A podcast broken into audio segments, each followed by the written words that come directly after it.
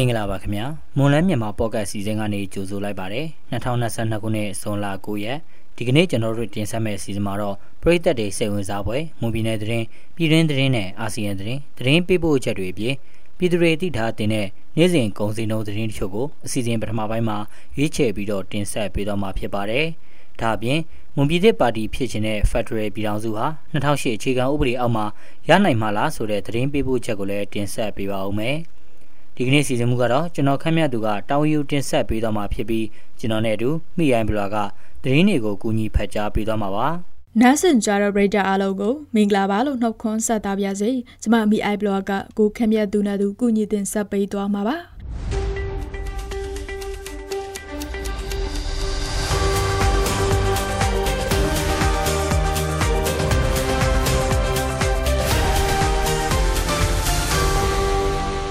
မော်လမြိုင်မြို့ကကမ္ဘာ့ကျန်းမာရေးအဖွဲ့ WHO ဝန်ထမ်းအမျိုးသားတဦးမနေ့ကညနေပိုင်းအချိန်အမည်မသိအမျိုးသားတဦးကတနက်နဲ့ပြစ်ခတ်ခဲ့လို့တေဆုံးခဲ့ကြောင်းအဖွဲ့ဝင်အမျိုးသားတဦးကအတည်ပြုပြောပါရယ်တေဆုံးသူဟာမော်လမြိုင်မြို့ကဦးမျိုးမင်းထုတ်ဖြစ်ပြီး WHO မှာ9နှစ်နီးပါးကားဒရိုက်ဘာအဖြစ်တာဝန်ထမ်းဆောင်ခဲ့သူဖြစ်တယ်လို့သိရပါရယ်ဦးမျိုးမင်းထုတ်ဟာရုံစင်ချိန်နေအိမ်ကိုဆိုင်ကယ်နဲ့ပြန်နေတော့တောင်ပေါ်တန်းအစဉ်တန်လွင်ဥယျာဉ်အနောက်ဘက်လမ်းကြားမှာတနက်နဲ့အပြစ်ခံခဲ့ရတာဖြစ်ပါတယ်တေဆုံးသူဟာ စစ်တပ်သတင်းပေးလုပ်တဲ့အပြင်တပ်ငယ်မတိန်ကျူးလွန်ပြီးချင်းချောက်မှုတွေလုပ်တဲ့အတွက်မော်လမြိုင် PDF ကလှုပ်ဆောင်တာလို့ထုတ်ပြန်ထားပေမဲ့အဲ့ဒီဆွဆွဲချက်တွေဟာမှန်ကန်မှုရှိမရှိကိုတော့တိကျအတည်ပြုနိုင်ခြင်းမရှိသေးပါဘူး။ပြစ်ခတ်မှုဖြစ်ပွားခဲ့တဲ့တန်လွင်ဥယျာဉ်အနီးတစ်ဝိုက်မှာလုံခြုံရေးတပ်ဖွဲ့ဝင်တွေကညာပိုင်းအထိစစ်ဆေးမေးမြန်းတာတွေလှုပ်ဆောင်ခဲ့ပြီးဖမ်းဆီးခံရသူအချို့ရှိတယ်လို့လည်းဒေသခံတွေကပြောဆိုကြပါတယ်။ တထုံခရိုင် KNU တပ်မဟာတစ်နယ်မြေမှာခုခံစစ်ကနေပြူဟာမြောက်တိုက်စစ်တွေစတင်ဖော်ဆောင်တော့မယ်လို့ KNU တပ်မဟာတစ်ရဲ့မိဖက်ရေးရကြည်ကြက်ကွမှုကော်မတီကအသိပေးထောက်ပြန်လိုက်ပါတယ်အရင်ကစစ်တပ်က KNU ရဲ့နယ်မြေကိုရောက်လာမှတိုက်ပွဲတွေဖြစ်တဲ့ဆိုပေမဲ့အခုကစပြီးစခန်းသိမ်းတိုက်ပွဲတွေဖော်ဆောင်တော့မှလို့တမတော်တစ်တာဝန်ရှိသူတို့ကပြောပါတယ် တထောင်ခရိုင်ဟာစစ်တောင်တရာမှတန်လွန်တရာကြားကနယ်မြေတရာဖြစ်ပြီးခရိုင်တပ်မဟာကောင်းဆောင်တွေကအခုလိုတိုက်ခိုက်ဖို့ကြည်ကြက်ကုတ်ကဲမှုကမတီတရက်ထပ်မံဖွဲ့စည်းခဲ့တယ်လို့သိရပါတယ်။အဲ့ဒီဖွဲ့ကိုပြီးခဲ့တဲ့မက်လကုံပိုင်းကစတင်ဖွဲ့စည်းလိုက်တာပါ။တထောင်ခရိုင်အတွင်းမှာပြီးခဲ့တဲ့ရက်ပိုင်းကနဆကရဲ့စစ်တပ်ကားတွေမိုင်းဆွဲတိုက်ခိုက်ခံရပါတယ်။ စစ်သား15ဦးလောက်သေးတယ်လို့ KNU ကထောက်ပြန်ထားပြီးမဲ့အဲ့ဒီတိုက်ပွဲတွေအတွက်နဆကကောင်စီဘက်ကတော့သစုံတရာထောက်ပြန်တာမျိုးမရှိသေးပါဘူး။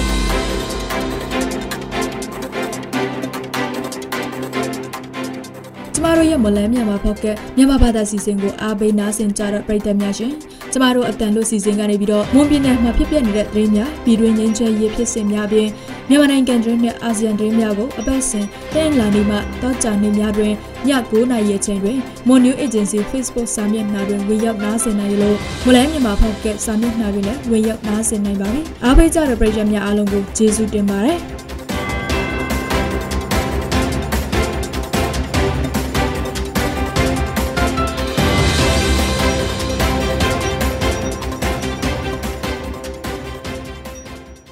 ရန်ကုန်နဲ့မြမပြည်အထက်ပိုင်းကိုပြေးဆွဲနေတဲ့ခရီးသည်တင်ရင်လိုင်းတွေဒီကနေ့ကစလို့ကားကားတွေဈေးတက်ဖို့ရှိနေပြီးလုံခြုံရေးအခြေအနေတွေကြောင့်သွာလာသူနှဲပါသွားတယ်လို့ရင်လိုင်းတွေရဲ့တာဝန်ခံကပြောပါတယ်။73စီဈေးတွေအစမတန်တက်နေတာလုံခြုံရေးအခြေအနေအရခရီးသည်နှဲပါတာတွေကြောင့်ဒီကနေ့ကစပြီးရန်ကုန်နဲ့မြမပြည်အထက်ပိုင်းကိုပြေးဆွဲနေတဲ့ခရီးသည်ရင်လိုင်းတွေကားကဈေးတက်ဖို့ရှိတယ်လို့ရန်ကုန်မြို့အဝေးပြေးရင်လိုင်းတွေစီကနေသိရပါတယ်။ ခီးတဲ့တင်ရင်လိုင်းတွေဟာရန်ကုန်ကနေမြမပြည်ထပ်ပိုင်းကိုတွာလာသူနေပါတာကြောင့်ခါလီနီးပါးပြေးဆွဲနေရတဲ့အတွက်တွက်ချင်မကိုက်ဘူးလို့ဆိုပါတယ်။မုံရွာရေဦးတန်ဆဲ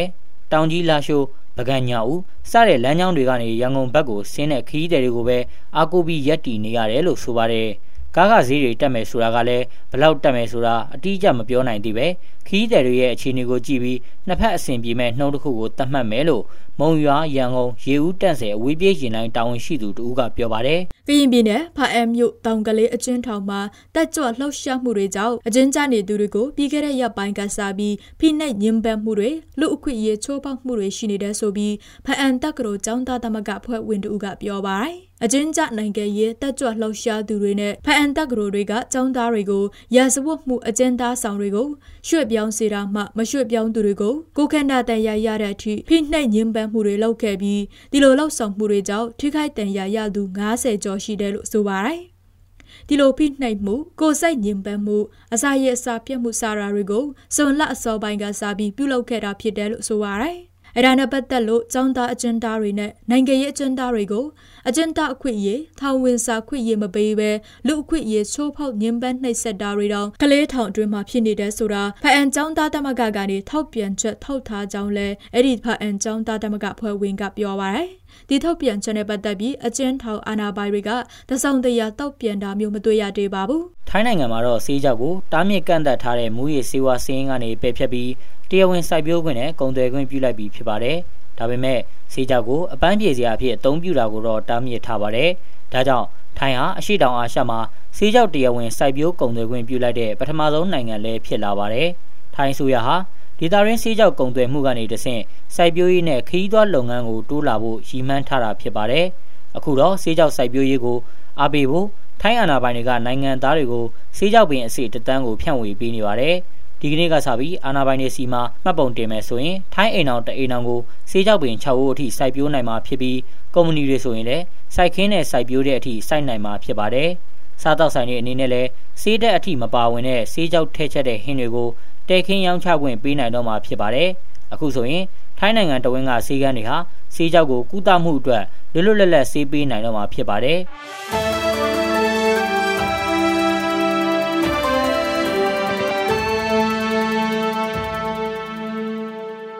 ဆက်လက်ပြီးပြည်သူတွေသိထားတဲ့နေ့စဉ်ကုန်စည်နှုန်းသတင်းတချို့ကိုမော်လမြိုင်ကုန်စည်တိုင်ကအချက်လက်တွေကိုအခြေခံပြီးကျွန်တော်ခန့်မှန်းသူကတင်ဆက်ပေးပါဦးမယ်။ဒီကနေ့ထိုင်းနဲ့မြန်မာငွေလဲနှုန်းကတော့ထိုင်းဘတ်60.2ဝယ်ဈေးရှိပြီးရောင်းဈေးကတော့60.8ရှိနေပါတယ်။ဒေါ်လာဈေးကတော့အမေရိကန်ဒေါ်လာကိုဝယ်ဈေးမြန်မာငွေ1850.65ရှိပြီးရောင်းဈေးကတော့1855.85ရှိပါတယ်။ ရွှေစည်းနှုန်းကတော့မီလင်း16ပဲတစ်ကြက်သားကို20သိန်း3300နဲ့15ပဲတစ်ကြက်သားကို18သိန်း6500ရှိနေပါတယ်။73စီဈေးတွေကတော့ဒီဇယ်1လီတာကို2695ကျပ်အောက်တိန်92တလီတာကို2235ကျပ်နဲ့95တလီတာကို2335ကျပ်အထိရှိနေပါတယ်။ရာဘာဈေးနှုန်းမှာအကောင်းဆုံးကတော့နေလှမ်းလွတ်တစ်ပေါင်ကို1210ကျပ်ရှိပါတယ်။ စံစင်းနှုန်းကတော့အကောင်းစားပေါ်ဆန်မွေစံသား90ကို9400ကျပ်အလဲလက်တန်းဆန်မျိုးစာပေါ်ကျွဲတဲ့စံသား80ကို4100ကျပ်နဲ့အမထဆန်တွေကတော့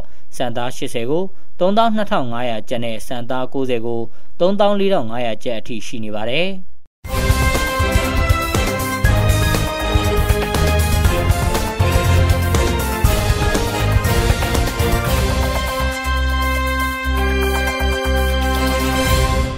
အခုတင်ဆက်ပေးသွားခဲ့တာကမေလ9ရက်နေ့မှာဖြစ်ပျက်ခဲ့တဲ့မွန်ပြည်နယ်သတင်းပြည်တွင်းသတင်းနဲ့အာဆီယံသတင်းတွေပြင်တနိတာစီစေးငွေစေးနဲ့ကုန်စည်နှုန်းတွေကိုတင်ဆက်ပေးသွားခဲ့တာပါဆက်လက်ပြီးတော့မွန်ပြည်သစ်ပါတီဖြစ်ခြင်းတဲ့ Federal ပြည်ထောင်စုဟာ2008အခြေခံဥပဒေအောက်မှာရနိုင်မှာလားဆိုတဲ့သတင်းပေးပို့ချက်ကိုတော်တာကတင်ဆက်ပေးပါဦးမယ် မွန်ပြည်သက်ပါတီကနာဆာကအကောင်စီနဲ့ငြိမ်းချမ်းရေးသွေးဆောင်ဆွေးနွေးခဲ့ပြီးဖက်ဒရယ်ပြည်ထောင်စုတည်ဆောက်ရေးပါတီဒီမိုကရေစီပေါ်ပေါက်ရေးမွန်မျိုးသားရေးရာပါဝင်အချက်9ချက်ကိုတောင်းဆိုခဲ့ပါတယ်။2008ဖွဲ့စည်းပုံအခြေခံဥပဒေအောက်မှာမွန်ပြည်သက်ပါတီဖြစ်ခြင်းတဲ့ဖက်ဒရယ်ပြည်ထောင်စုကိုရနိုင်မှာလားဆိုတဲ့ဝေဖန်တုံ့တက်မှုတွေလည်းရှိနေပါတယ်။မွန်လူမျိုးတွေရဲ့ဖက်ဒရယ်မှုကိုနာဆာကကလက်ခံပေမဲ့2008ဖွဲ့စည်းပုံအခြေခံဥပဒေအောက်မှာပဲပြင်ဆင်ပေးမယ်ဆိုရင် မွန်ပြည်သက်ပါတီအနေနဲ့လက်ခံနိုင်မှာလားဆိုတော့စဉ်းစားစရာအချက်ဖြစ်နေတယ်လို့တိုင်းရင်းသားလူမျိုးရေးရာစင်တာ ENAC အမှုဆောင်ဒရိုက်တာတောက်တာပညာမွန်ကပြောပါတယ်မွန်ပြည်သက်ပါတီစဉ်းစားရမယ့်အချက်လက်ကတော့ကဲကျွန်တော်တို့တောင်းဆိုထားတဲ့ကျွန်တော်တို့ဖြစ်ချင်တဲ့ Federal တီကူကျွန်တော်တို့မွန်လူမျိုးရဲ့ Federal မှုကို SAC ကလက်ခံပေးမယ်လေဒါပေမဲ့ဒီ2008ဖွဲ့စည်းပုံအောက်မှာပဲသူတို့ပြင်ဆင်ပေးမယ်ဆိုရင်အဲ့ဒါကျွန်တော်တို့လက်ခံနိုင်မလားပေါ့နော် ဒီဘာဒီ2008ဖွဲ့စည်းပုံကပါလဲဆိုတော့ဒါတကက်ဒီစစ်တပ်ပါဝင်ရေးနော်ဒီ25ရာခိုင်နှုန်းဆက်လက်ပြီးတော့ပါဝင်မယ်ဆိုရင်ဒါကကျွန်တော်တို့လက်ခံနိုင်မလားပေါ့နော်အဲ့ဒါကပြန်လဲစဉ်းစားရတော့မယ်နောက်တစ်ခုကတော့ဒီတတ်အာအသွင်ကူပြောင်းရေးနော်ပြီးတော့ဒီအာဒီ DGR ကိစ္စတို့အဲ့ဒါဘလောက်အတိုင်းတာထိကျွန်တော်ဒီမွန်ပစ်ပါတီလက်ခံနိုင်မလဲပေါ့နော်အဲ့ဒါလည်းစဉ်းစားထားဖို့လိုတာပေါ့နော်ကျွန်တော်ထင်တာတွေ ဒီဒီဒီ process ကဒါကျွန်တော်တို့ဒါကဒါက1008ဖွဲ့စီပုံအောက်ရဲ့ process ကိုကျွန်တော်ထင်တယ်ဒါကကျွန်တော်တို့သိနေပြီးသားဖြစ်တဲ့အတွက်ကြောင့်ဒါဆိုတော့ဒါကကျွန်တော်တို့နောက်ဆက်လက်ဆွေးနွေးဖို့ကဘယ်လိုပုံစံအာအာဆက်လက်ဆွေးနွေးမလဲနော်ဒီဒီကျွန်တော်တို့ဖြစ်ချင်တဲ့ဒီ Federal အာအာပြည်တော်စုကို18000ဖွဲ့စည်းပုံအောက်မှာကျွန်တော်တို့ရနိုင်မလားပေါ့နော်အဲ့ဒါကျွန်တော်ထင်တယ်မွန်ပြည်တစ်ပါတီအနေနဲ့ကတော့ လေးလေးနက်နက်ဆိုတော့စဉ်းစားထားဖို့လိုတာပေါ့နော်မေလ23ရက်နေ့ကနေ25ရက်နေ့အထိနှောက်ဆက်ကနဲ့မွန်ပြည်သက်ပါတီဖို့တွေ့ဆုံပြီးငင်းချရေးလုပ်ငန်းစဉ်တွေကိုဆွေးနွေးခဲ့ပြီးနောက်နိုင်ငံရေးရာကိစ္စတွေနဲ့မွန်မျိုးသားရေးရာကိစ္စတွေကိုသဘောတူခဲ့တာလို့မွန်ပြည်သက်ပါတီမှဗဟိုအလုပ်မှုဆောင်ကော်မတီဝင်နိုင်အောင်ငွေကပြောပါတယ်။ကျွန်တော်တို့ဒီနေ့တွေ့တွေ့ပြီးတော့ကျွန်တော်တို့သဘောတူညီချက်9ချက်ချမှတ်ခဲ့ပါတယ်ခင်ဗျ။အဲလက်မှတ်ရေးထိုးခဲ့ပါတယ်ဗျ။အဲဒီ9ချက်ကတော့အာ ကျွန်တော်တို့ဒီရဲ့နိုင်ငံရေးရာကိစ္စတွေနှစ်ချက်နဲ့ကျန်တဲ့ဟာကကျွန်တော်တို့အမျိုးသားရေးဆိုင်ရာကိစ္စတွေပဲပါပါတယ်ခင်ဗျ။အော်နိုင်ငံရေးဆိုင်ရာတော့ကျွန်တော်တို့ပါတီစုံဒီမိုကရေစီစနစ်ပုံမခိုင်မာလာအောင်ဘယ်လိုလုပ်မလဲအဲအကောင့်တွေပေါ်မှုမှာပေါ့နော်။နောက်တော့တစ်ခုရှိတဲ့ကဒီမိုကရေစီနဲ့ President စနစ်ကိုအခြေခံထားတဲ့ပြည်တော်စုကြီးကိုဘယ်လိုတည်ဆောက်ကြမလဲဒါကိုလည်းသဘောတူဆက်လက်တည်ဆောက်သွားဖို့ဒါကိုသဘောတူထားတယ်။နောက်တော့ပြည်တော်စု လုံခြုံငြိမ်းချမ်းရေးနဲ့ လုံခြုံရေးငြိမ်းချမ်းရေးနဲ့ ဖွံ့ဖြိုးရေးအတွက်တော့အာဒါလေးကျွန်တော်တို့ ဆက်လက်လုပ်ဆောင်သွားမယ်လို့လည်း ကျွန်တော်တို့ဒါ သဘောတူညီချက်ထဲမှာလည်း ပါဝင်ပါတယ်ခင်ဗျ။ကျန်တဲ့ဟာတော့ ဒါ အသေးစိတ်ပြောလို့မရသေးတဲ့ပိုင်းတော့ ရှိပါတယ်ခင်ဗျ။အနာဂတ်ပြည်ထောင်စု တည်ဆောက်ရမှာ လုံခြုံရေးဆိုင်ရာ ပြည်လဲပေါင်းစည်းရေးကို ဆွေးနွေးကြဖို့ သဘောထားရှိကြောင်းငိမ့်ချရေးလုပ်ငန်းစဉ်မှာ တဦးတစ်ဖွဲ့နဲ့ လုံလောက်မှုမရှိကြောင်း အလုံးပါဝင်ဖို့လိုအပ်ကြောင်းပြဿနာတွေကိုအတူတကွဝိုင်းဝန်းအပြေရှားကြဖို့လိုအပ်ကြောင်းနိုင်အောင်ငွေကပြောပါတယ်။မွန်မျိုးသားညီလာခံကနေပြန်လည်ဖြစ်ဆွတ်ထားတဲ့မွန်ပြည်နယ်ဖက်ဒရယ်မှုနဲ့ပတ်သက်ပြီးတောက်တာပညာမွန်ကအခုလိုဆိုပါတယ်။မွန်ပြည်တစ်ပါတီတွားတွေ့တဲ့တောင်းရက်ထဲမှာဒီနှစ်ချက်တွေကိုဘယ်လိုအသေးစိတ်ဆွေးနွေးခဲ့တယ်လဲဆိုအဲ့ဒါကျွန်တော်တော့မသိဘူးပေါ့နော်။ဒါပေမဲ့ဒီချန်ပီယံအဖြစ်ချိမယ်ဆိုတာတော်ကိုရေးဖူးရဆန်တယ်။ ဆိုတော့ SAC လည်းသူတို့ပြောမှာပဲလေအာဒါကျွန်တော်တို့လုပ်နေပြီလားဒါကျွန်တော်တို့လုပ်နေပြီဆိုတော့လည်းသူတို့ပြောလို့ရတယ်နော်အကယ်၍ပေါ့နော်အကယ်၍နောက်သူတို့ပြန်ပြီးတော့ဖိတ်ခေါ်လာမယ်ဆိုရင်ဒါကကျွန်တော်တို့ Federal Move ပေါ့နော်ဒါကျွန်တော်တို့မွန်လူမျိုး Federal Move ရှိခဲ့ရှိတယ်မကြာခင်တည်းကပဲကျွန်တော်တို့ဒီမွန်မျိုးသားညီလာခံမှာလည်းကျွန်တော်တို့ပြန်လဲသုံးသပ်ပြီးတော့ကျွန်တော်တို့ပြန်လဲဖြည့်စွတ်ထားလဲရှိတယ်နော် အဲ့ဒါကိုကျွန်တော်ထင်တာမွန်ပြည်တစ်ပါတီကကင်ရမယ်အဲ့ဒီမူကလေကဲ၍သူတို့ပြန်လဲဖိတ်ခေါ်မယ်ဆိုရင်ဒါဒီမူတိုင်းပဲကျွန်တော်တို့ဆွေးနွေးချင်တယ်ဒါကျွန်တော်တို့မွန်လူမျိုးရဲ့မူ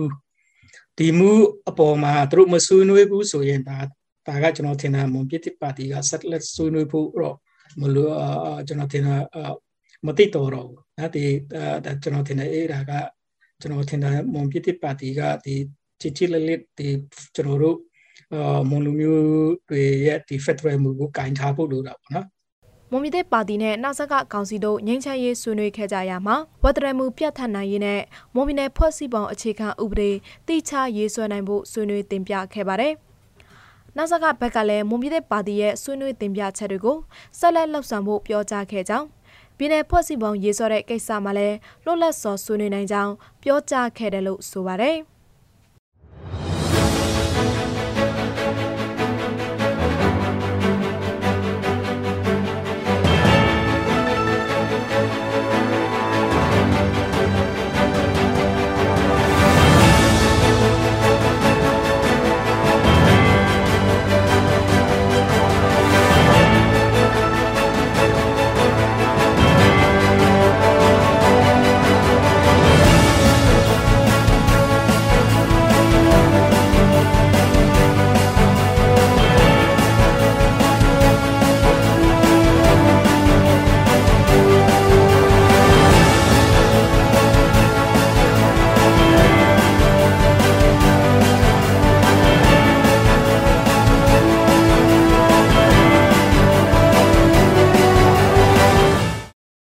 တို့ရဲ့မလဲမြန်မာပေါ့ကတ်စီစဉ်ဒီမှာတင်ပြီးဆုံးပါပြီ။နားဆင်ကြတဲ့ပရိသတ်အားလုံးကိုနောက်နေ့အစီအစဉ်တို့မှာဆက်လက်အားပေးကြပါအောင်လို့ဖိတ်ခေါ်ရင်းအစီအစဉ်ကိုအဆုံးသတ်ပါရစေ။အားလုံးကိုကျေးဇူးတင်ပါတယ်ရှင်။